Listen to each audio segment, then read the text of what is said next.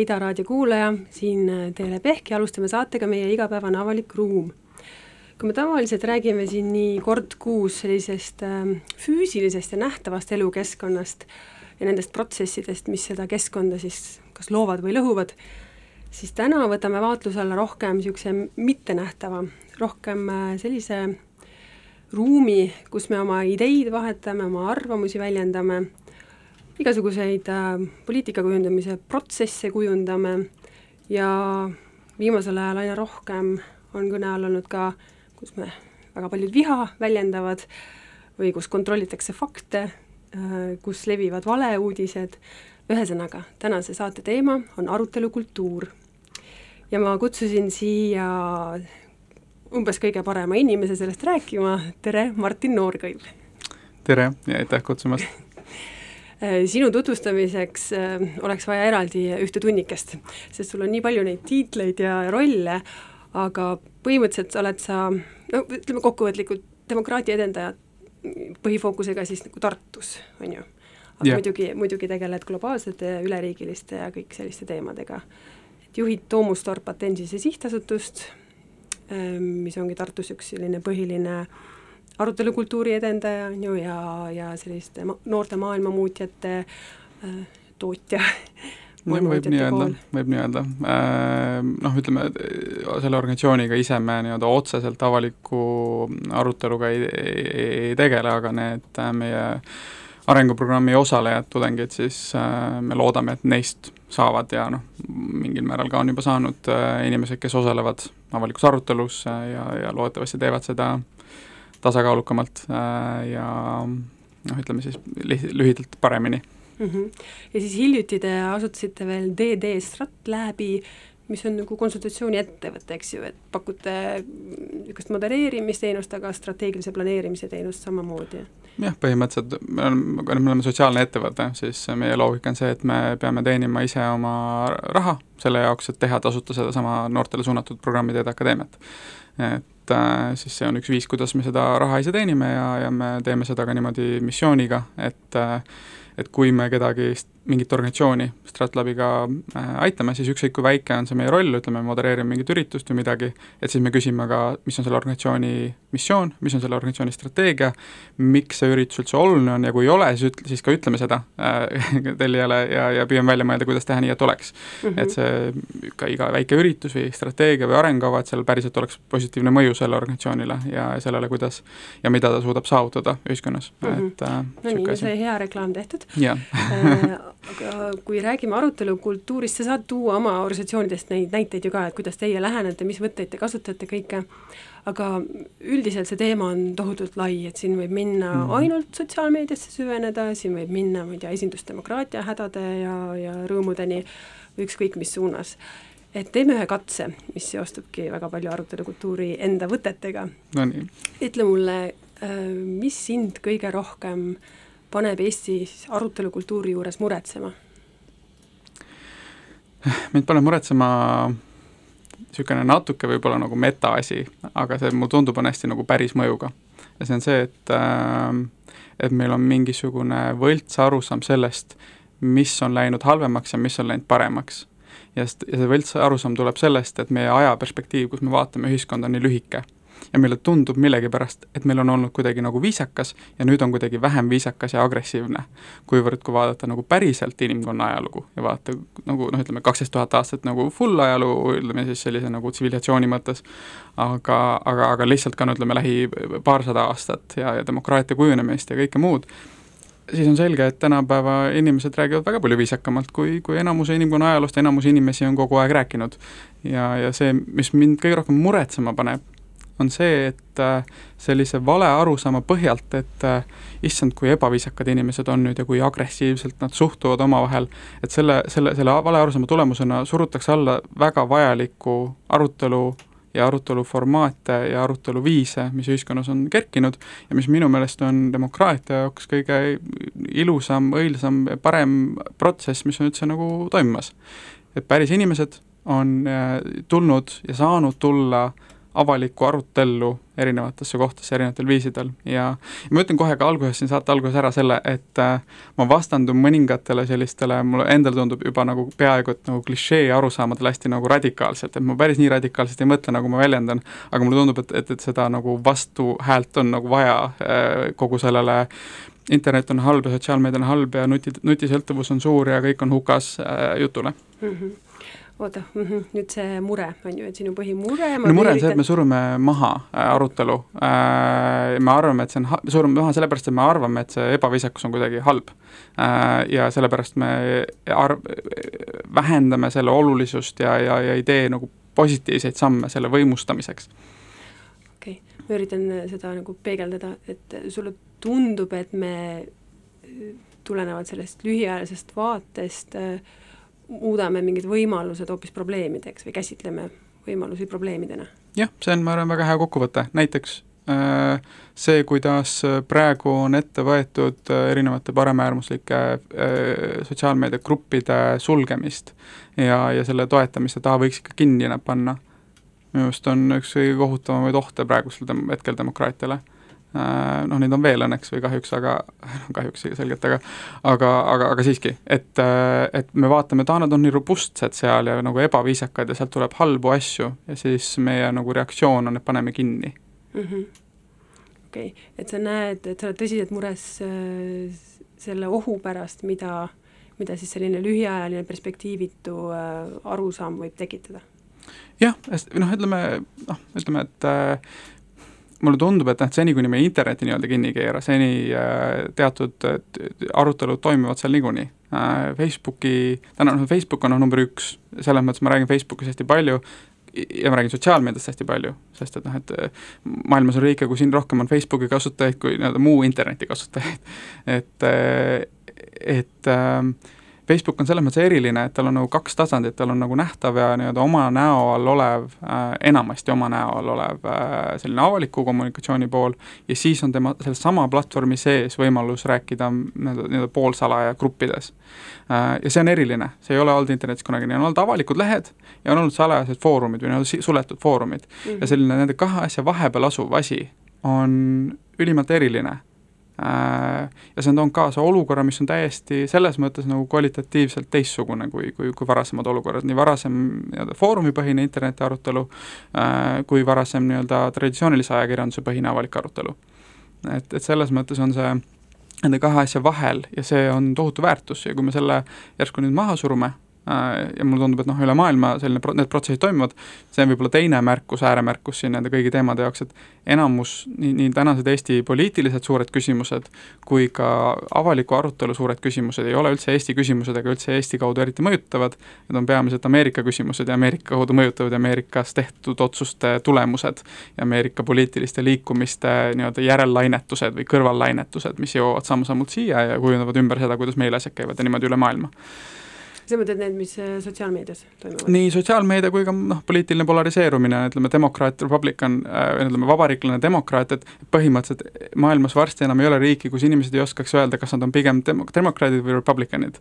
Mis on noh, mingis mõttes täiesti absurdne, mis mõttes me suudame Eestis öelda, millist Ameeri-, millise Ameerika poliitilise erakonnaga me, meie vaated sarnanevad, ja mingis mõttes kogu maailm praegu positsioneerib kahte leeri, et kumb ta on ja see, see peaks olema ise juba mõte, mille peale, kui, kui, kui me taipame seda, et nii on, peaks olema, et mis asja, mis toimub, miks me nagu Ameerika poliitika järgi sõnastame oma poliitilisi vaateid või mõtestame oma poliitilist kuuluvust, aga me teeme seda. Äh, meie, meie viimase aja suur mure valitsuse, valitsuskoalitsiooni mõttes äh, EKRE äh, on ju väga otse ka välja öeldud, nemad ju otse lähtuvad äh, Trumpist ja püüavad, mm. püüavad teha Trumpi.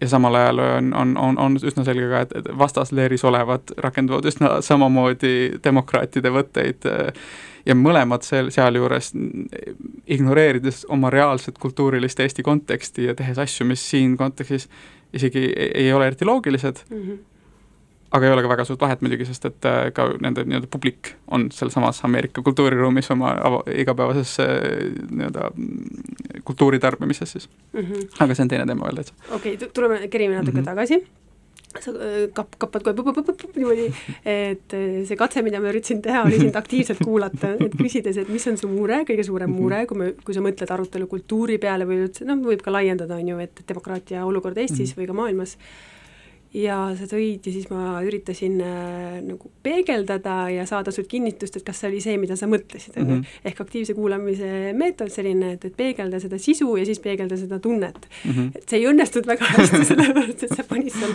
tohutult juba kappama ja, ja analüüsima ja edasi, aga põhimõtteliselt äh, see on ka üks selline hästi hädavajalik äh, oskus, mida ma ka ise alles omandan, et, et noh, et et kuidas me üksteist kuulame, mitte kohe ei torma mingeid lahendusi pakkuma või teise probleemi endale võtma või siis nagu ründama mm -hmm. hoopis oma arvamusega ja selle kõigega mm. -hmm. aga nüüd läheme siis sellesse teemasse, et, et sa defineerisid arutelukultuuri põhimurena siis on ju, et, et tegelikult on kõik hästi, see, mis toimub, on hea sotsiaalmeedia on hea, annab võimaluse, toob nagu, loob võrdsema või võimaluse aruteludeks ka nendele inimestele, kes võib-olla varem ei ole olnud mingites aruteludes sees või mingi positsioonid võtab maha nii-öelda isegi nagu poliitiline polariseerumine on mõnes mõttes hea, äh, et noh, et need on kõik võimalused, mida tuleks nagu paremini ära kasutada, on ju. no ütleme, seda viimast ma, ma, selle osas ma pean mõtlema, mis ma sellest arvan, et kas poliitiline polariseerumine on hea või, või mitte, aga, ja polariseerumine ka, aga aga, aga, aga see et kas see, mis toimub sotsiaalmeedias aruteluga, et kas see on hea või mitte, ma ütleksin niimoodi, et et see ei ole nagu lühiperspektiivis hea, et see on selgelt, on seal negatiivseid Äh, tulemeid, aga see on natuke niisugune nagu uue asja suhtes niisugune mustvalgsus või noh, niisugune binaarsus, mis mõtlemises on. et, et, et, et see on umbes nagu küsida, kas ettevõtted on head mm. -hmm. või kas, kas organisatsioon on hea, organisatsioonid noh, et on selge ju, et on halbu ja häid organisatsioone on ja, ja see, ütleme, et kas see organisatsioon on nagu kvaliteetne näiteks, on ju, sõltub sellest, kuidas ta on juhitud, mis sorti inimesed seal töötavad. et samamoodi on sotsiaalmeedia aruteluga ja, ja et siin ma toon jälle selle, selle nagu eristuse, et sotsiaalmeedias, eriti Facebookis, aga tegelikult üleüldse sotsiaalmeedias on kaks asja, on see avalik osa, avalik nägu, see, äh, kus on nii-öelda tõesti nii-öelda niisugune nagu esinemine ja see aspekt ol-, oluline juures, ja on nii-öelda vähem avalik nägu, äh, grupid ja igasugused muud niisugused minivormid vestluseks. ja see on tä-, no täiesti erinevad maailmad seotud, aga erinevad. ja kui mina räägin arutelu, sellest, mis on positiivne arutelukultuuri juures sotsiaalmeedias, siis ma räägin sellest maailmast, mis on see teine, see suletud maailm, gruppide mm. maailm kus see on, tuleb omaette teema sellest seoses, et sellega seoses, et siis on nagu mullistumine ja inimesed on kuidagi oma kõlakodades, mis mm, ma tegin, ma adresseerin seda kohe ka, ma tean, et see läheb, mõte läheb rändama juba, aga, aga las ta läheb. mullistumine on positiivne. Ja see on oluline asi minu arust, minu meelest, millest oleks vaja aru saada, et äh, Eh, ma kunagi kirjutasin artikli äh, sellest, kuidas sotsiaalmeediagrupid on nagu kunagised salongid, salongikultuur, mida tuuakse eeskujuks kui niisuguse ideaal nagu arutelu, idealistlik arutelukultuur mm. -hmm. Salongid, ja tossavad äh, sigarid, on ju. just, salongid olid selged kõlakambrid. veel hullemad kõlakambrid seal oli väga-väga-väga-väga-väga-väga väike vähemus e-, ühiskonnast osales ja nad olid väga-väga-väga-väga-väga homogeensed äh, omaenda äh, nii-öelda ühiskonnagrupi mõttes. Ainult kõige jõukamad, kellel oli aega käia koos sadu aastaid tagasi veeta aega kusagil salongis, tõepoolest tehes seda, on ju, juues konjakit ja, ja sigareid tõmmates, on ju, et, et selles mõttes ja, ja sellest hoolimata nendest salongidest kasvas välja meie modernne ajakirjandus, kasvas välja modernne avalik arutelu, see idee üldse sellest, et meil peaks olema äh, mingisugune üldine arusaam poliitiliste teemade üle, mis on kujunenud läbi arutelu äh, ühiskonnas mitte ainult valitsejate peades või valitsejate omavahelises vestluses, vaid avalikkuses. Äh, nendest samadest väga kinnistest kõlakodadest kasvas välja idee ajakirjanduse avaliku arutelu ja tegelikult selles mõttes omakorda ka demokraatia võimaldajana kus inimesed osalevad selles nii-öelda mõtlemises, mis toimub demokraatias, et mis oleks hea, mis oleks halb teha ja siis selle tulemusena muutub see, mida tehakse lõpuks. Ja, ja nagu seesama, tulles tagasi sotsiaalmeediasse, tänapäeva arutellu, siin toimus täpselt sama asi needsamad kõlakojad on positiivsed sellepärast, et inimesed saavad seal arutada. inimesed ei saa arutada Facebookis. Facebookis ei saa arutada, Facebookis saab peksa. Ja Facebookis saab trollimise ohvriks saada ja Facebookis saab äh, kõike muud negatiivset, mis on, ma olen kõigega nõus, mida räägitakse, mis Facebookis halb on. seal ei saa vestelda väga hästi, eriti äh,. aga neis gruppides just sellepärast, et nad on kõlakojad, just sellepärast, et nad on homogeensemad, on võimalik arutada. ja see on selles mõttes just eriline, nii nagu siis salongide puhul oli eriline, on see, et enne neid salonge ei saanud peaaegu keegi arutada peale kuningaõukonna ja nüüd järsku said ka mõned aristokraadid said arutada ja mõned veel teised nii-öelda jõukad inimesed, kes ei varem ei olnud osa arutelust. ja nüüd on sama efekt, nüüd meil on jälle ring laiem inimestest, kes saavad arutada üldse, üldse kõigepealt ise äh, mõelda, kuulata, vestelda, karjuda üksteise peale, ebaviisakusi öelda üksteisele, äh, kõike muud, see on ise juba suur asi ja, ja, ja mis see nagu see nii-öelda positiivne efekt on see, et samamoodi nagu tollaste salongidega on minu meelest ka nüüd toimumas sama asi, ehk siis kui nad tulid neisse salongidesse, läksid neisse salongidesse vestlema, siis nad ei osanud veel mm.. Nad ei osanud veel arutada, seda ei olnud olemas, nad lõid seda alles, nad lõid seda arutelukultuuri, mida me praegu idealiseerime. ja nad lõid seda läbi kogemuse, läbi tegemise. ja minu meelest on täpselt sama asi toimumas. meil on miljoneid gruppe üle maailma täna ja läbi interneti, interneti võimaluste tulemusena tegemas sama koondumas homogeensetesse gruppidesse, õppimas vestlema. õppimas vestlema läbi proovimise ja ebaõnnestumise ja, ja nende, nende sellise nii-öelda tsükli, kus ma teen midagi, läheb hästi või halvasti, kui läheb paremini, siis ma teen seda uuesti, kui läheb halvasti, siis ma üritan seda vältida, äh, ja noh, hästi halvasti, see on omaette teema, millest on terve nagu hull tehno veel, aga need inimesed nendes gruppides õpivad vestlema ja loovad selles mõttes uut versiooni avalikust arutelust, uut versiooni sellest, kuidas me jõuame avaliku arvamuseni ja uut versiooni sellest, kuidas me omakorda seda saaksime seostada demokraatlike otsustusmehhanismidega. aga need vanad salongid võtsid aega, hoolimata sellest, seal oli väga-väga-väga-väga palju vähem inimesi, siis need salongid võtavad noh, ütleme vähemalt nii palju rohkem kordi aega, kui palju nüüd seal inimesi on rohkem. pluss, kui me veel võrdleme seda, mis sorti ühiskonnagruppidega on tegu et meil selline avalik arutelu on nihkunud samm-sammult järjest nii-öelda ühiskonna tipust allapoole. iga tase allapoole on ka tase allapoole hariduses äh, ja muudes nii-öelda aspektides, mis võimaldavad lihtsamini neid arutelusid pidada või raskemini. ja selle võrra võtab omakorda veel rohkem aega, ehk siis minu lühike kokkuvõte sellest on see, et, et sotsiaalmeedia hävitab demokraatia demokraatiat, avalikku arutelu, avaliku arvamuse kujundamist sel kujul, nagu ta on olnud viimased noh, ütleme, ma ei tea, paarsada aastat demokraatiates, samal ajal luues uut viisi, kuidas demokraatia ja avalik arutelu saaks toimida.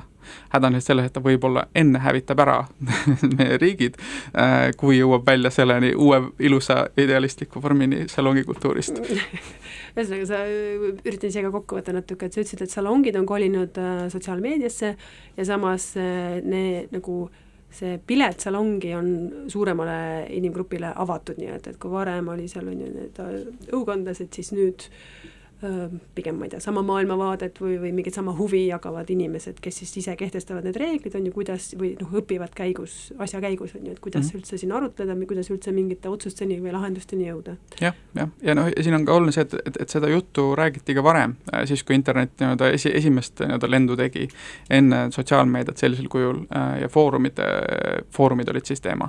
ja ka siis oli osaliselt tõsi, aga see ei täitnud oma potentsiaali, sest ta jäi vähemuse inimeste tegevuseks mis on nüüd erinev, on see, et Facebook on enamuse asi.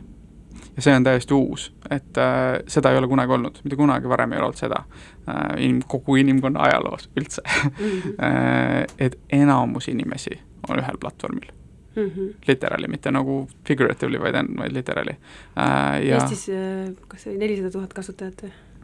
Äh, ma ei teagi praegu, palju see number praegu täpselt on, aga, aga, aga need protsendid interneti kasutajatest on selgelt üle poole igal pool mm. -hmm. ja, ja ja see muudab seda olukorda, et kui palju neid inimesi on ja noh, ongi ol,, olukord on selline, kus enamus inimesi on mõnes sellises kohas. ja kõik ei ole nii aktiivsed, kõik ei toimi ja kõik, kõik, kõik, kõik ei, kõik ei ole suur arutelukoda, aga, aga, aga nii mõnigi on ja ütleme noh, üldiselt siiski ka neisse vanadesse salongidesse kogunesid ikkagi need, kes tundsid, et neid ei kuulata muidu ja need ei saa nagu muidu kaasa rääkida, meil täna siit vaadates on võib-olla irooniline, on ju, nad olid aristokraatia, et mis mõttes neid ei kuulatud, aga tol hetkel nagu selle nii-öelda kuninga ja kuningaõukonna mõttes nad tundsid ennast nagu väljajäetuna. Ja nüüd on samamoodi inimesed, kes tunnevad ennast väljajäetuna, inimesed, kes tunnevad, et, et nende, need nagu muidu ei ole võimalik teha midagi, muidu ei ole võimalik kuidagi nagu saada seda, mis me tahame, kuhu saada meid kuulatud, meie arusaam, meie arusaama järgi asju tehtud, et need inimesed on aktiivsed aktiivsemad ilmselt äh, ja noh, ka ilmselgelt, äh, et kõige aktiivsemad on sotsiaalmeedias igasugused grupid, kes üritavad võidelda selle eest, et neid kuulataks mm. -hmm. mis on selles mõttes noh, jällegi nüüd, kui need uued koalitsiooniläbirääkimised hakkasid, siis äh, kohe juhtus ka sama asi, et, et erinevad inimesed, kes varem olid justkui nagu passiivsemaks muutunud internetis, nüüd järsku muutusid jälle uuesti aktiivseks mm. -hmm. sest nüüd tundsid nemad järsku, et nende arvamust ei kuulata okei okay., me ei räägi kogu saate ajal siin sotsiaalmeediast mm, -hmm. aga me jõudsime, sa jõudsid oma jutus sellise nagu huvitava tõdemuseni, et, et noh, selline jah, ebavõrdsus või nagu erineva kaaluga või võimuga grupid on ju, et kuidas mm -hmm. nemad end kuuldavamaks teevad, et, et jätame selle, räägime sellest edasi pärast äh, lühikest muusikapala mm. -hmm.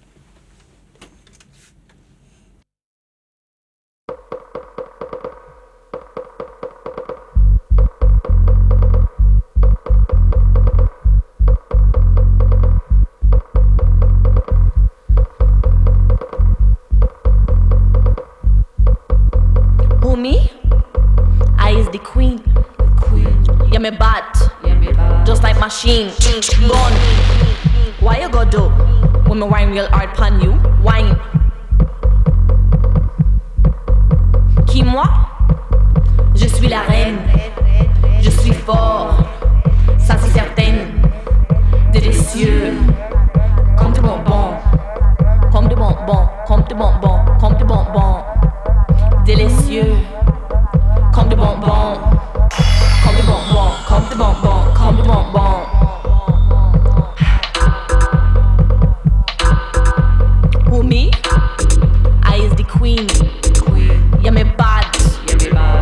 Machine.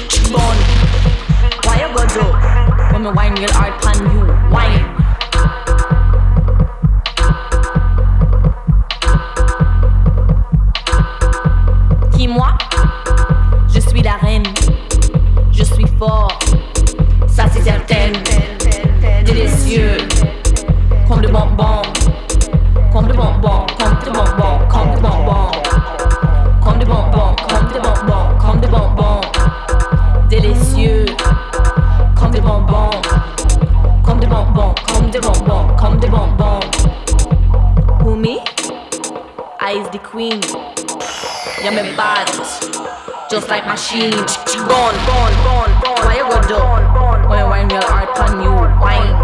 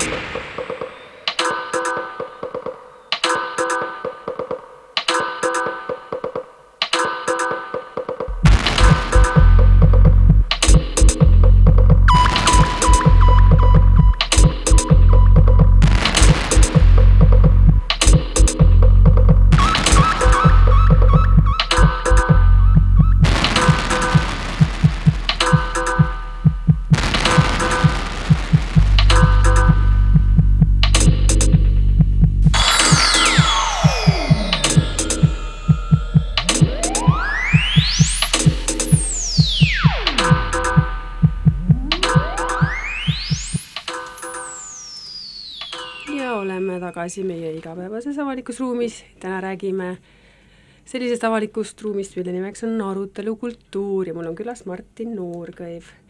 Äh, Martin, sa jõudsid äh, välja selleni, et äh, sotsiaalmeedias tegelikult kõik algab ja lõpeb põhimõtteliselt, et seal on nii häid asju kui ka halbu asju, et ühelt poolt ta võib, on ju, demokraatiat lammutada, teiselt poolt ta annab kui hästi palju võimalusi ka, et üldse sellist arutelukultuuri, neid reegleid üldse ja inimeste erinevaid arvamusi, nägemusi nagu kokku tuua ja siis sealt pinnalt midagi edasi arendada, just nendes nagu suletud gruppides ehk mullikestes mm. -hmm et tegelikult sa kutsusid, sul oli paar päeva tagasi juubel, on ju, palju õnne mm -hmm. uuesti ja sa kutsusid äh, selleks puhuks kokku enda ümber äh, kümme aastat tiirelnud inimesed nii ülikoolist, Tartu Ülikoolist siis, kui ka teistest kohtadest, vabaühendustest, jah, sa oled ju Vabaühenduste Liidu nõukogu esimees ka veel, vot selle ma unustasin sissejuhatuses ära.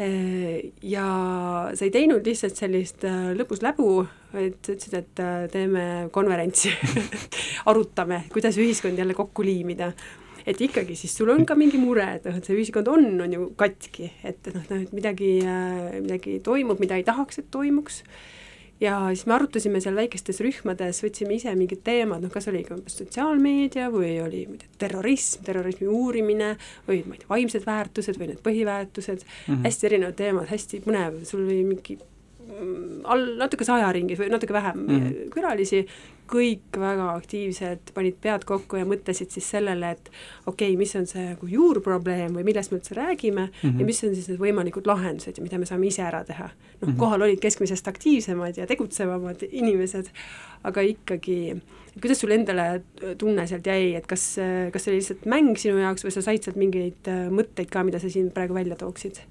kuidas seda ühiskonda just nagu kokku liimida sellest vaatest?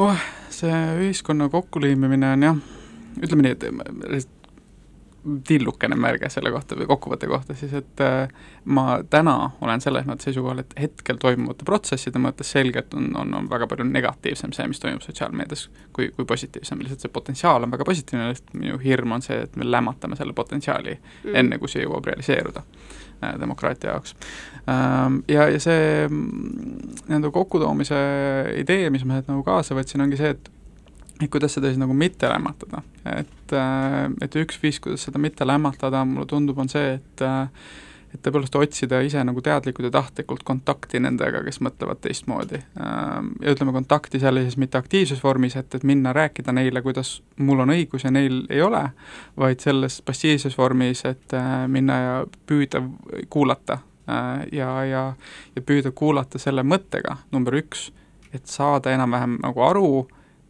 et saada tõesti aru enam-vähem sellest, miks ja kuidas nad mõtlevad. Äh, kust tuleb nende või ütleme, milline on nende maailmapilt nagu enam-vähem tervikuna, enam-vähem koherentselt.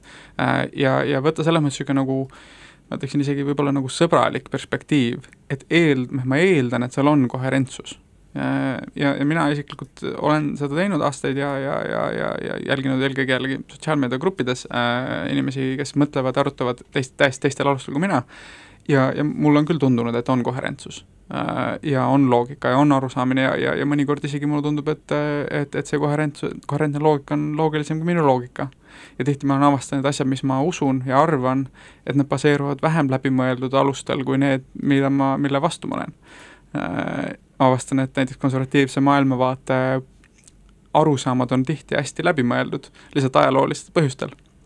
jällegi niisugune äh, liberaalsemad maailmavaate aspektid, milles, mille, mille, mille, millega ma nõustun äh,, on palju vähem läbimõeldud justkui või, või, või palju, palju vähem selged, no näiteks, et no see läheb natuke teist teemasse, aga niisugune mõtteeksperimendina soovitan kõigile inimestele, kes siin kuulavad ja arvavad, et konservatiivid on kollid, või vähemalt äärmuskonservatiivid, et et meie maailmavaade, meie siis ühiselt, äh, baseerub inimõiguste ideel. mitu tükki kolmekümnest sa oskad nimetada? et mm -hmm. koduülesanne et see on niisugune koduülesanne jah, et äh, ma pakun, et enamus ei oska. mina küll ei oska. ma lugesin seda, ma olin üllatunud mõnest lausa. ja siis pidada seda dogmaks, mida üle ei tohi arutada, kui sa küsid, et kas need on, peaksid olema kõik sellised on minu meelest nagu niisugune, nagu ma ei oska eesti keeles rääkida, count, counterproductive. et, et see ei, lähe ka palju sedasi. aga no ühesõnaga, et äh, aga, aga too mõni näide, kui sa tahad, et äh, kellega selliste tundmatutega siis sina oled, äh, kas sa oled nagu lihtsalt jälginud või sa oled nendega laskunud aruteludesse või vaidlustesse või, või oled lausa silmast silma kohtunud? kõiki neid asju olen teinud paari aasta jooksul nüüd jah, et äh, aga noh, ütleme, mulle tundub kõige produktiivsem tegelikult on mitte vestelda, vaid kuulata Äh, ja ütleme, see on täiesti tehtav Facebook gruppides, liit, liitu lihtsalt kõigi Facebook gruppidega, mille nimi kõlab nagu sa ei nõustuks sellega, mis nad arvavad. Äh, selles mõttes see kehtib igaste asjade kohta, ma ei tea, mulle meeldivad koerad, tähendab mulle ei meeldi koerad, mulle meeldivad kassid, mul liitus grupp koerte sõprade grupiga, ma saan kindlasti kuulda palju häid argumente, miks peaksid koerad meeldima kellelegi.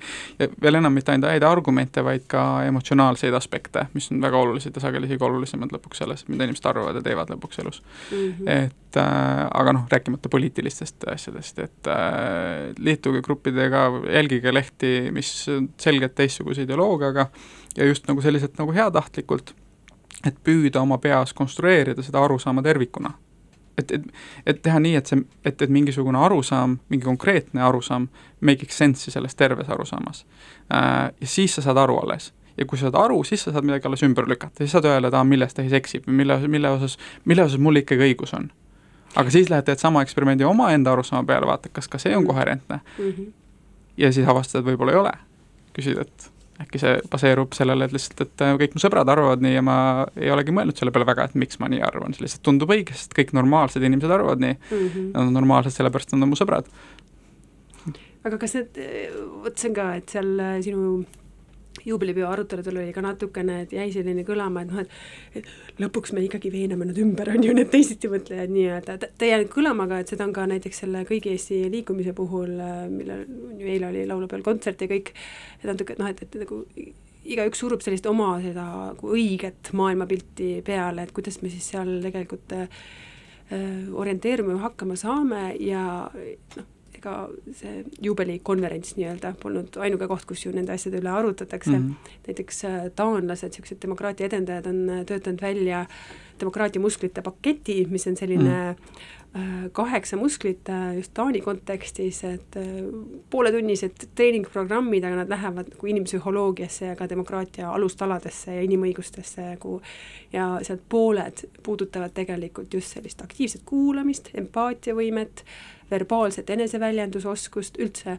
arvamuse nagu väljendamise oskust ja ka mm, disagreement, nagu mittenõustumise või mm -hmm. nagu mhm. teist, mitte teisiti mõtlemise. Jah, mittenõustumine mittenõustumise oskusi. Et noh, et sa ütled ka, et hästi palju on nagu kuulamise taga ja mõistmise taga kinni või noh, pärast kuulamist tekib mõistmine, on ju. Ja samamoodi on siis just see tunnete maailm, et noh, et ma ei tea, vahetage rollid ära või pange kuidagi, et noh, et siis sa mm., siis sa võib-olla saad paremini aru ja sa pead kaitsma seda nagu vastaspoole rolli, et siis sul võib-olla noh, tekib mingi ahaa-efekt oma ajus on ju ka, et ta kuidagi jääbki, noh, sinu juubelil professor Margit Sutrop ütles näiteks, et noh, et argumentidest, faktidest ei piisa, nendega ei veena mitte kedagi ümber, noh, kui see on eesmärk, on ju mm. -hmm. aga pigem just, et noh, tekib see oskus või, või püüd, äh, näiteks keegi on vihane võib-olla selle peale, et meil tulevad siin immigrandid sisse mm, -hmm. et pöörata see viha hoopis noh, kaastundeks, aga, aga seda sa ei saa teha niimoodi klõpsti mm, -hmm. vaid ikkagi tunnete sellise kuulamise ja mõistmise kaudu jah, noh ütleme, ma fundamentaalselt olen selle vastu, et me peaksime üldse võtma endale nagu sihiks ümber veenda inimesi Äh, sest see eeldus siin on see ju, et järelikult kõik need inimesed, keda me üritame ümber veenda, praegu mõtlevad valesti mm. -hmm. Nad saavad valesti aru, nad, nemad on konstrueerinud oma peas maailma, selle, selle, kuidas maailm töötab, ja kui ma võtan ütlen, et ma tahan muuta nende arusaama ühe konkreetse aspekti osas, siis ma fundamentaalselt ütlen, et nad on valesti aru saanud maailmast. Ja ütleme näiteks, mis puutub täna, ütleme konkre-, no ma räägin võib-olla liiga konkreetselt, aga no mis seal ikka juht-, mis niisugune juht saab elus võtame EKRE, on ju. mina ei võtaks fundamentaalset eeldust, et EKRE valija maailmast valesti aru saab. ma arvan, et EKRE valija, keskmine EKRE valija saab maailmast natuke isegi paremini aru kui keskmine Reformi või sotsi valija selles mõttes maailmast, noh maailmas on palju erinevaid aspekte, aga sellest aspektist, mis näiteks Eesti ühis-, Eesti ühiskonnas ja riigis on viimase või noh, iseseisvuse, praeguse iseseisvuse aja jooksul äh, valesti tehtud ühiskonnas. mis on need kohad, kus meie riik ja meie ühiskond ei funksa kus, kus, kus mingid asjad kukuvad kokku, mingid asjad äh, ei toimi nii, nagu me eeldame, et nad peaksid toimima, kus inimesed libisevad läbi nii-öelda mõrade. et ma arvan, et keskmine EKRE valija näeb ja saab aru neist kohtadest paremini. Ja see on, ma arvan, põhimõtteline äh,, et sa ütled, okei okay,, et tema võib-olla saab paremini aru, mis toimub, kui mina. ja siis sa saad hakata mõtlema, kas need lahendused, mis pakutakse, on okeid või mitte või et kas, või et kas näiteks need mõned valjuhäälsemad poliitikud, kes nende inimeste eest seisavad, tahavad üldse lahendada neid probleeme, mida nad näevad, kas või, või kasutavad ära võimalust enda poliitiliseks karjääriks. Et, et aga siis on hoopis teine küsimus. Need on hoopis teised küsimused ja hoopis teise nagu mastaabi küsimused. Ähm, ja ühesõnaga, et minu, minu point on siin antud kontekstis see, et me ei peaks minu meelest me ei peaks ette võtma äh, vestluseksperimente, arutelueksperimente mingis mõttes äh, väikeste gruppide inimestega selle jaoks, et, et, et, et, et äh, et muuta kedagi või kuidagi nagu äh, kokku tuua mõned inimesed, vaid, vaid, vaid väga palju rohkemat meist äh, võiksid igapäevaselt oma inforuumi tuua teadlikult ja tahtlikult teistsugust arusaama selleks, et, et enamus meist saaks aru, mis toimub. Ähm, vot mina seda ei teinud, kutsusin endale on ju mugava vestluspartneri mitte, mitte siis sellise, kellega ma nii väga ei nõustu, et see on muidugi tõsi jah, aga noh, selles kontekstis ongi okei okay.. jah, jah. aga sa tõid, et äh, selle, et äh, võib-olla mitte võib-olla, no seda on mujal ka välja toodud, et hästi paljud inimesed tunnevad ennast nagu mahajäetuna või et noh, nad nagu teavad, mis on valesti tehtud mm -hmm. Eesti Vabariigi ajaloos või, või üldse maailmas, planeedil Maa on ju et ja nüüd nad siis saavad kuidagi ka seda teada anda, kas siis mm -hmm. nagu hääletamise kaudu või, või üldse sotsiaalmeedias oma arvamust avaldades, kas nendes kinnistes või lahtistes gruppides mm. -hmm. aga ikkagi, kuidas see suhe on, et noh, et arutelukultuuri ju mõjutab see, mis ütleme, mis, millises vaimses tervise seisundis ühiskond on või inimesed on, on ju, ühiskonnaliikmed, et selline ebavõrdsus meil mm. uuringute järgi tegelikult aina süveneb. Mm -hmm. ja noh, noh, nagu, nagu öeldakse ka, et, et vihakõnet sa ei saa elimineerida ilma tegelemata selle vihaga, selle algpõhjusega, on ju, et noh, elimineerida või, või kuidagi leevendada või, vähendada tuleb seda viha, siis ei tule seda kõnet ka sinna otsa, on ju. See on hästi suur teema. Äh,, nagu ja kui ma ütlen hästi Proovime suur, isegi, isegi, isegi, isegi minu perspektiivist on see hästi suur teema, no mhm. kõigepealt on siin nagu kolm aja perspektiivi nagu paarkümmend aastat, paarsada aastat ja paar tuhat aastat või noh, tuhanded aastad, on ju. paarikümne aasta mõttes ja, ja tegelikult isegi nagu selle, ütleme, paarikümne aasta mõttes on ebavõrdsus kasvanud. paarisaja aasta mõttes on ka ebavõrdsus kasvanud. Vahepeal oli perioode, kus ta vähenes, vähenes, siin ma lähtun peamiselt Thomas Pikettist ja, sellest tema kontseptsioonidest, mille, mida on küll vaidlustatud, aga, aga siiski, et, et ainult sõjad on toonud olukorda võrdsemaks ja, ja, ja peamiselt sellepärast, et mõned rikkad inimesed said surma. ja neilt võeti raha ära, jagati laiali. Mm.. Äh, aga kõik muu aeg on põhimõtteliselt kapitalistlikus ühiskonnakorralduses äh, ebavõrdsus järjest samm-sammult kasvanud. Äh, nüüd see on üks, nüüd kaks on see, et aga põhimõtteliselt võrreldes paari tuhande aastaga on selgelt kõigi inimeste elukvaliteet planeedil keskmiselt väga-väga-väga-väga-väga-väga palju kõrgem. elu on väga-väga palju parem. sellest hoolimata paar tuhat aastat tagasi inimesed, inimesed ei, ei rakendanud oma vihakõnet sellisel viisil eh,, vähemalt mitte, mitte eriti palju. või no, mis ma öelda üritan, on see, et et jah, mingis mõttes obviously on, on, on, on see underlying probleem, on, on, on, on ebavõrdsus uh,. Underlying probleem on see, et osade inimeste elu on halb suhteliselt suhteliselt halb võrreldes teistega ja nad näevad seda äh, ja tunnevad seda äh, aga, aga see ei ole mingis mõttes see põhjus, miks me selles olukorras oleme, sest ebavõrdsus on alati olemas olnud ja on olnud ka palju suurem ja vaesus on olnud palju sügavam. Äh, ja sellest hoolimata siis ei olnud neil inimestel võimalik midagi teha. ja ma ütleks, et see on halb, et neil ei olnud võimalik siis midagi teha ja hea, et neil nüüd on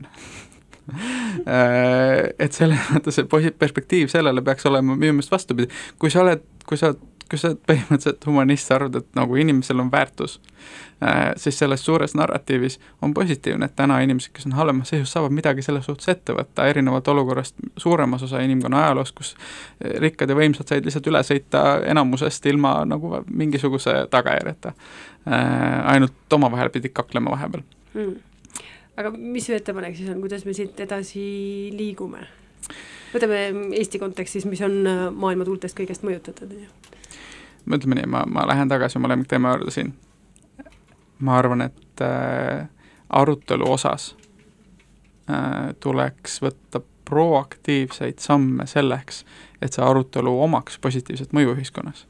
mitte seda arutelu maha suruda, tsenseerida me samamoodi nagu, nagu kodanikuühiskond, nagu vabaühendused, nagu MTÜ-d, nad võivad olla igasuguseid asju, võivad teha halba, head, kõike muud. me oleme võtnud ühiskonna ja riigina, ülejäänud kogu läänemaailmas sihi, et me kujundame seaduste ja toetuste ja programmide ja avaliku arutelu kultuuriga ne, neid ühendusi selliseks, et neist oleks rohkem kasu demokraatiale. täpselt sama lähenemise peaksime võtma ka sotsiaalmeediale. peab küsima, kuidas teha nii, et ta oleks, omaks positiivsemaid mõjusid demokraatiale, mitte nii, et ta üldse ei oleks olemas nii, nagu ta on, vaid just sellisena, nagu ta on et võtta need asjad, mis olemas on seal, needsamad grupid, needsamad arutelud, mis on ja küsida, kuidas me saaksime sellega rohkem suhestuda demokraatias. kuidas peaks tänapäeva parlament töötama? kuidas peaksid, kuidas peaks tänapäeva erakond töötama?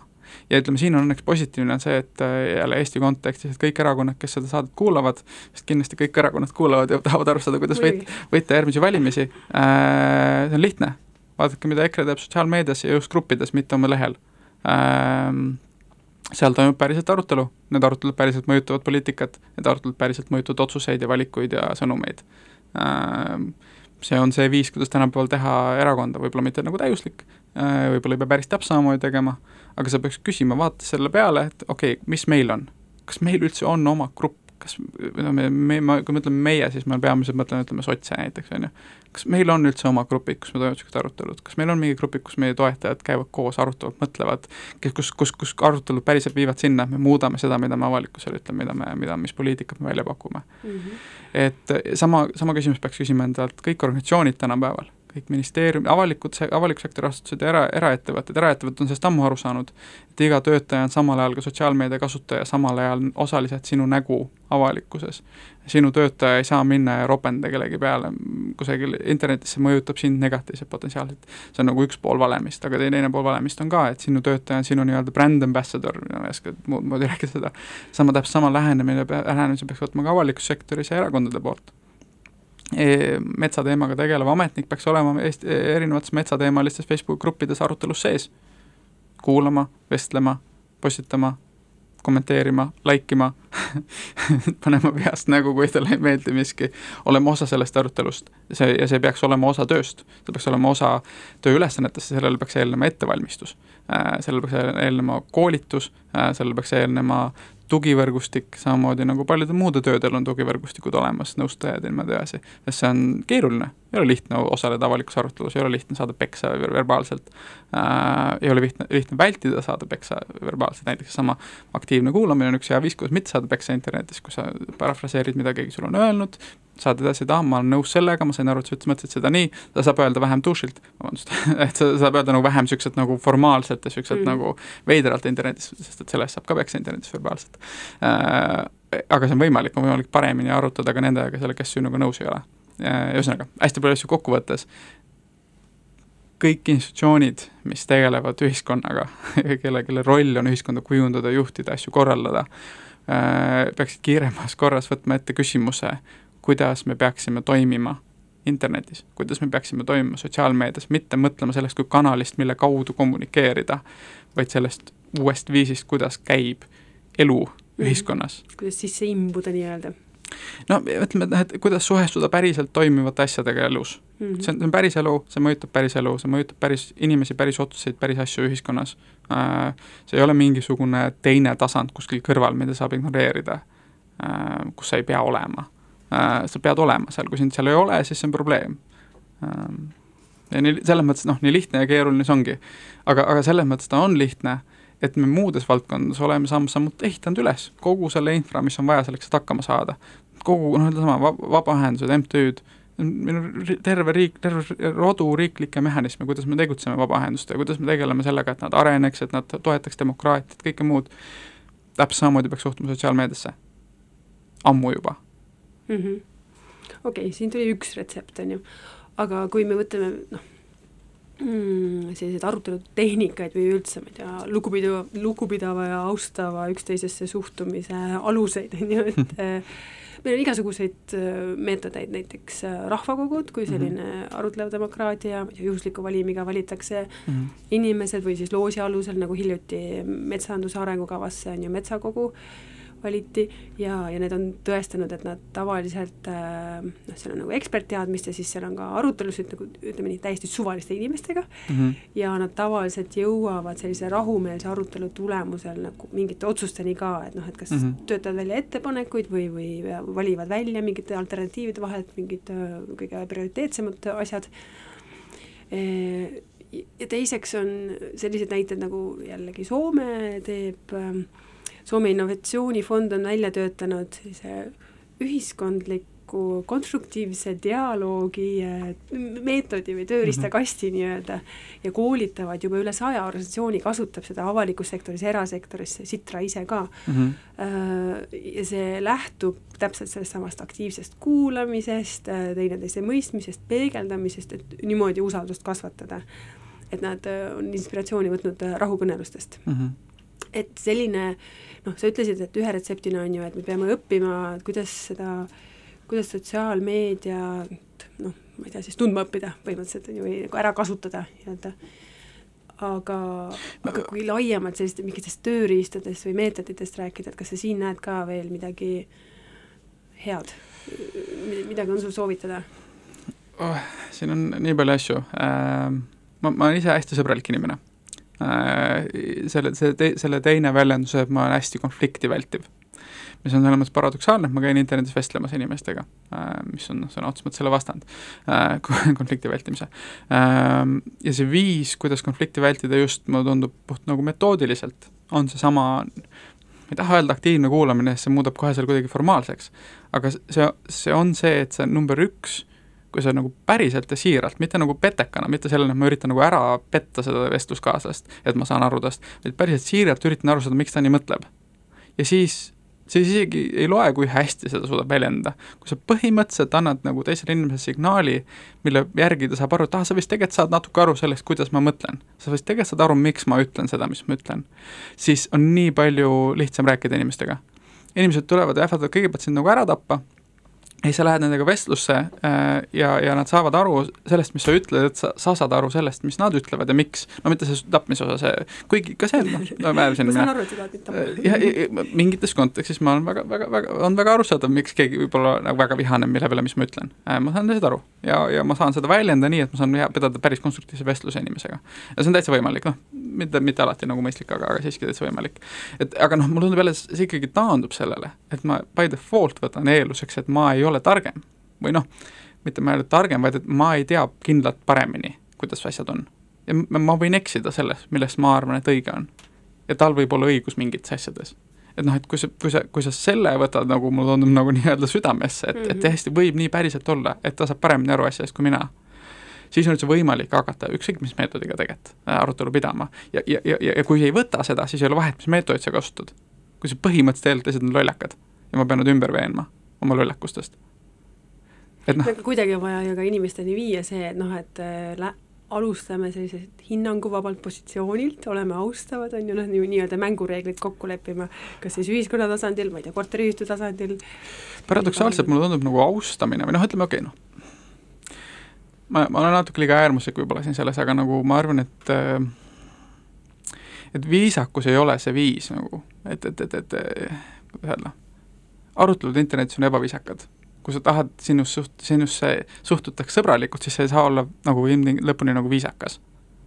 et see on niisugune vastuoluline mingis mõttes. aga noh, et sa pead nagu olema nagu, sa pead suhtlema ja käituma nagu selles kultuuris on normaalne. ehk sa pead ka, ka väljenduma robustsemalt näiteks. Äh, ja sageli see, et ainult, ainuüksi see, et sa väljendud robustsemalt, võimaldab selle, et inimesed suhtuvad sinust sõbralikumalt. ja vastupidi, kui sa lähed niisuguse väga viisaka formaalse jutuga, siis selle tulemusena sulle antakse peksa lihtsalt verbaalselt, et ja see, see on nagu justkui nagu vastuolus, aga see ei ole vastuolus tegelikult, et see on see on lihtsalt nagu, ja me, see paradoksaalselt, see on tegelik viisakus, tegelik viisakus on rääkida teise inimese keeles. tegelik viisakus on ühenduda tema kultuuriga see on nagu see, kui sa lähed teise riiki, siis tegelik viisakus ei ole öelda tere hommikust, vaid äh, on te, tegelik viisakus on öelda good morning, sest et noh, et see on siin tema keeles on ju, et saab aru sinust paremini. või siis ütleb morning, või siis, et tere hommikust on võib-olla viisakam kui lihtsalt morning nagu äh,. aga selles kultuuris on teistsugune asi viisakam ja viisak-, noh viisakas on olla teise kultuuriga kooskõlas äh,. kohandada ennast teise kultuurile see on noh, mingis mõttes niisugune kultuuridevahelise viisakuse nagu niisugune mudel. Mm, -hmm. ühesõnaga, et, et selles mõttes ei pea nagu jah, ühesõnaga mu mõte vist on, on selge, ropenda mm. rohkem. Ropenda rohkem. Ja see on päris äh, ootamatu mõte muidugi, ma käisin äh, Poolas äh, demokraatia niisugusel foorumil ja seal toodi igasuguseid, see oli põhiliselt see kodanikutehnoloogia ja mm. ettevõtted ja ka kodanikuaktivistid, kes seal kõik rääkisid oma ägedatest projektidest ja asjadest ja siis näidati, kuidas tehisintellekt äh, nimega James Walker mm. internetis mässab ja selleks, et vihakõnet nagu vähendada või mm. neid vihaseid inimesi ka äh, nendele armastust külvata. -hmm. ta on niisugune positiivne bot, kes siis automaatselt algoritmi abil genereerib vastuseid, mis on noh, sellised hästi nagu tunnetele mängivad või et mm -hmm. ma saan aru, et sa oled vihane, aga mm -hmm. mõtle natuke ikka järele, et kas ikka on hea niimoodi rünnata või teist selline noh, ma ei tea, fašistiks sõimata -hmm. et et tegelikult ju ei ole, et sina ka ei tahaks ju, et seda sulle tehtaks. kalli-kalli, umbes sellised vastused, et need seal kohapeal testisime läbi ka, et, et päris lahe, et noh, sa mm, -hmm. sa ise natuke alguses ütlesid ka, et ikkagi noh, sellist, ole heatahtlik, on ju, ja mm -hmm. siis samas lõpus sa ütlesid, et noh, et aga ikka siis äh, ründa ka või nagu jah, ütleme, et see noh, ta läheb lõpuks tegelikult taas taandub tõesti nagu emotsioonidele et, et, et see, et, et viisakus ja mitte emotsioonide väljendamine on justkui nagu millegipärast omavahel sidunud, seostunud meie peades. viisakus ja emotsioonide mitte väljanäitamine. jah, et nagu niisugune mm -hmm. viisakas ja ratsionaalne versus ebaviisakas ja emotsionaalne on kuidagi nagu kaks asja, mis on põimunud, mis ei pea olema põimunud ja mingis mõttes ma rohkem väljendangi seda, et sa võid olla äh, viisakas ja emotsionaalne mm. -hmm. Äh, ja see emotsioon ei pea, selles mõttes, selleks, et jõuda positiivse tulemuseni, ei pea emotsioon olema positiivne ilmtingimata äh,. ja sa, sa võid nagu lõpuks nagu oluline on see, et, et, et teine inimene tunneb, et sa tunned, mis ta tunneb mm. -hmm äh, et sa väljendad oma tundeid, et kuule, et see tõesti haavas mind nüüd on ju, noh no, viisakalt. jah, näiteks on ju, või et noh, et sa väljendad niimoodi, peegeldad teda niimoodi, et ta saab aru, et sa saad aru, kuidas ta tunneb ja miks ta nii tunneb, ma saan aru, et sa oled vihane mind ajaks ka kettasse selline sitt, vabandust, aga noh, et ma, ma tõin nagu näite selles mõttes mm, -hmm. et, et sa ropendad, sa väljendad ebaviisakalt, see ei ole positiivne, see emotsioon, aga see on täiega empaatiat tekitav. ja, ja selle pealt on palju parem edasi rääkida mm. -hmm. Äh, kui selle pealt, et äh, ma mõistan sinu olukorda sotsiaalmajanduslikult, black, black, black, selles mõttes noh, et et, et sa ei jõua sellega kuhugi äh,, kuigi see on viisakas ja formaalne, formaalselt korrektne viis, kuidas väljendada ennast ja sõbralik olla just, just poliitkorrektne. aga kas see samasugune võte on siis tegelikult ülekantav ka mingite sugulaste sünnipäevadele, peielaudadesse, oma lähedastega suhtlemise, oma sõpradega, töökaaslastega, kellel noh, see ongi ju hea, et on eriarvamused, eriväärtused, erinevad seisukohad. et selle pinnalt siis äh, võikski võib-olla selline mingi ühisem arusaam ja, ja suuremate asjade üle arutlemine alata võib-olla, aga ma olen natuke seda meelt, et, et, et, et, et nii-öelda laivis toimuvad arutelud on, on, on, on sellest aspektist nagu kehvemad, see puht nagu teaduslikult on näidatud, et, et, et, et kui inimesed on füüsiliselt ühes ruumis koos, siis kipuvad domineerima paratamatult need, kes üldiselt on ühiskonnas hierarhias kõrgemal olgu need siis võimu või, või, või paranduse või mis iganes asja, asja poolest ja et, et kui inimesed on füüsiliselt ühes ruumis koos, siis põhimõtteliselt sellele, kes läheb sisse, sa tead juba enne, kui arutelu pihta hakkab, kes jääb peale ja mis seisukohad jääb peale, kui sa tead, mis seisukohad neil inimestel on, kes on kõrgematel positsioonidel ühiskonnas keskmiselt mm. -hmm. erinevalt internetist ja see, see, see, see tulem-, seda vahendatakse läbi mitteverbaalsete signaalide Äh, kõiki neid võimu ja mõju nagu, need ei ole sisus, vaid need on just vormis. ja need, seda vormi sa näed peamiselt äh, laivis. ja see, enamus, need asjad on just puudu siis, kui sa räägid internetis. selle tulemusena inimesed julgevad öelda asju ebaviisakamalt, aga selle tulemusena julgevad inimesed üldse öelda rohkem asju. mis on positiivne mm. -hmm. mis on, mis on väga positiivne, muidu ütlevad need, kes ütlevad alati ähm.. no samas räägitakse näiteks UK-st on tulnud selline Äh, kontseptsioon, et, et senimaani on meil, kui me räägime poliitika kujundamisest, ma ei tea, mingite arengukavade väljatöötamine või seaduste väljatöötamine, kõik see, äh, selline lähenemine, et äh, decide, announce, defend ehk otsusta ära, siis nagu kuuluta välja ja siis hakka nagu kaitsma seda oma mm -hmm. otsust, et ometigi keegi ei tule, kui tuleb ründama, vastupropaganda on ju ja kõik mm -hmm. vaigista maha et see on selline dinosauruse ajastu lähenemine, mis meil endiselt väga palju ka mhm. kohalikul tasandil äh, domineerib ja, ja tekitab seda frustratsiooni ja ängi ja kibestumust ja seda, et noh, et ma ei viitsi enam noh, kaasamisväsidust mm, -hmm. väsimust ja kõike. ja see teine pool, siis äh, UK visionääride arvates, et kus, kus me juba võiksime olla, on see, et äh, discuss, deliberate, decide ehk kõigepealt aruta, siis äh, kaalu ja vaagi ja, ja nagu mõtle läbi kõik mm -hmm. vastu ja, ja poolt argumendid ja alles siis otsusta mm. -hmm. et kui meil selline poliitika kujundamine, no sellise tervikmõistena nagu liiga, liiguks sinna suunas, kuidas sulle tundub, kas, kas meil oleks vähem Ehm, ma ei tea, ebavõrdsustki või, või vähem mingeid äh, halbu emotsioone? Noh, nii ja naa jah, see on niisugune suhteline, sõltub sellest, kuidas seda teha ka, et, et jällegi mina ütleks, et, et kui seda teha nii, et minna äh, Eesti Metsa sõprade Facebooki gruppi äh, ja seal küsida küsimus, joo, me plaanime teha niisuguse arengukava, kus me paneme kirja üks, kaks, kolm, et me võtame nii palju maha, nii palju jätame alles, mis te arvate ja siis päriselt need eh, viis-kuussada kommentaari läbi lugeda ja lugeda kokku, palju likee mingi kommentaar saab äh,, nagu inimesed teevad tegelikult äh,, ja selle järgi determineerida, et mis on järelikult populaarne, mis ei ole populaarne ja mida võiks järgmisena küsida, et, et seda arutelu edasi viia, siis küll. kui seda teha nii, et kaasata äh, ainult teatud viisakusastmega vabaühendusi äh,, siis ei ole väga palju lootust, siis äh, nende arvamus ühel hetkel ei erine sinu enda arvamusest piisaval määral, et sellest üldse nagu mingit tolku oleks. noh, et sellepärast noh, see, on hästi suur teema üldse, kuidas, kuidas vabaühendused muutuvad äh, avaliku sektori laadseks tänu sellele, et nad peamiselt igapäevaselt teevad koostööd nendega suhtlevad nendega mm. ja see on niisugune paratamatu protsess, kus muut-, muututakse avaliku sektori nägu oma, oma tegu, teguviisilt.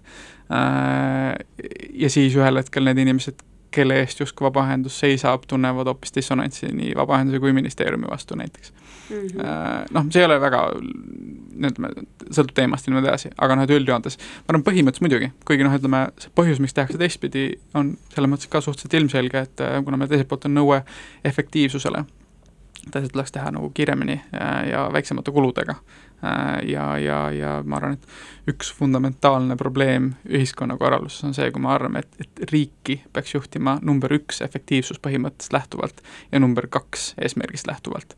et kui need kaks asja lähevad vahetusse, nagu nad on läinud paljudes lääne ühiskondades vahetusse, siis see on, selle tulemused on väga paljud negatiivsed asjad ühiskonnas et äh, noh, näiteks ma ise, ise puutun kokku peamiselt näiteks ülikoolidega, et, et efektiivsus ja ülikool, need kaks mõistet, kui need kokku panna ja peale suruda, siis hästi paljud asjad lähevad katki ja hästi paljud negatiivsed asjad juhtuvad pärast seda, mis lõhuvad ära omakorda jälle järgmisi asju ja me ei saa aru, kust need tulevad. Mm.. Need tulevad sellest samast et me oleme oma eesmärgi vahetanud ära efektiivsuse vastu. et, et selles mõttes kaasata ilma kaasamata on palju efektiivsem äh, ja pärast alla suruda on lihtsam, see on niisugune sa võid, eriti veel kui ennetavalt teha nagu valmis oma kommunikatsiooniplaanid ja värgid, et siis kõige efektiivsem ongi see, mis sa ütlesid. läbi suruda. just, just, viimasel hetkel ja järg-, siis nagu peale suruda ja mm -hmm. jaanipäeval ja kõike muud, on ju, et saab kõik tehtud kiiresti ja efektiivne. ongi võidetud ja siis teeme efektiivset asja ära ja siis ühel hetkel kukub kõik kokku, sest et me ei teinud neid arutelu, sest me ei kaasanud kedagi, meid ei huvita, mis arvasid ja arvati. jaa, no nii, jõudsime riigikorralduseni välja, et noh, tegelikult see, see kõik taandubki ka, mitte kõik ei taandu, vaid et eh, väga oluline roll siin on ka institutsioonide uuenemisel mm, -hmm. avaliku sektori rolli uuenemisel, vabaühenduste rolli uuenemisel, ettevõtjate, kodanike enda vabatahtliku tegevuse, kõigel sellel, see on nii kompleksne. kõik on seotud, maailm on keeruline just, just. aga aitäh sulle, Martin, kui sul veel midagi jäi hingele kribeldama, ütle praegu ära, sest nüüd saab kohe aeg otsa eeldage, et teie enda maailmavaade ei ole ilmtingimata nii loogiline, kui ta tundub igapäevaselt ja püüdke aru saada teiste omast. just, ma arvan, et sa andsid äh, fantastilisi soovitusi oma enda elust, on ju, ja kogemustest, et ähm, nii palju siis arutelukultuurist, arutame edasi. aitäh kutsumast!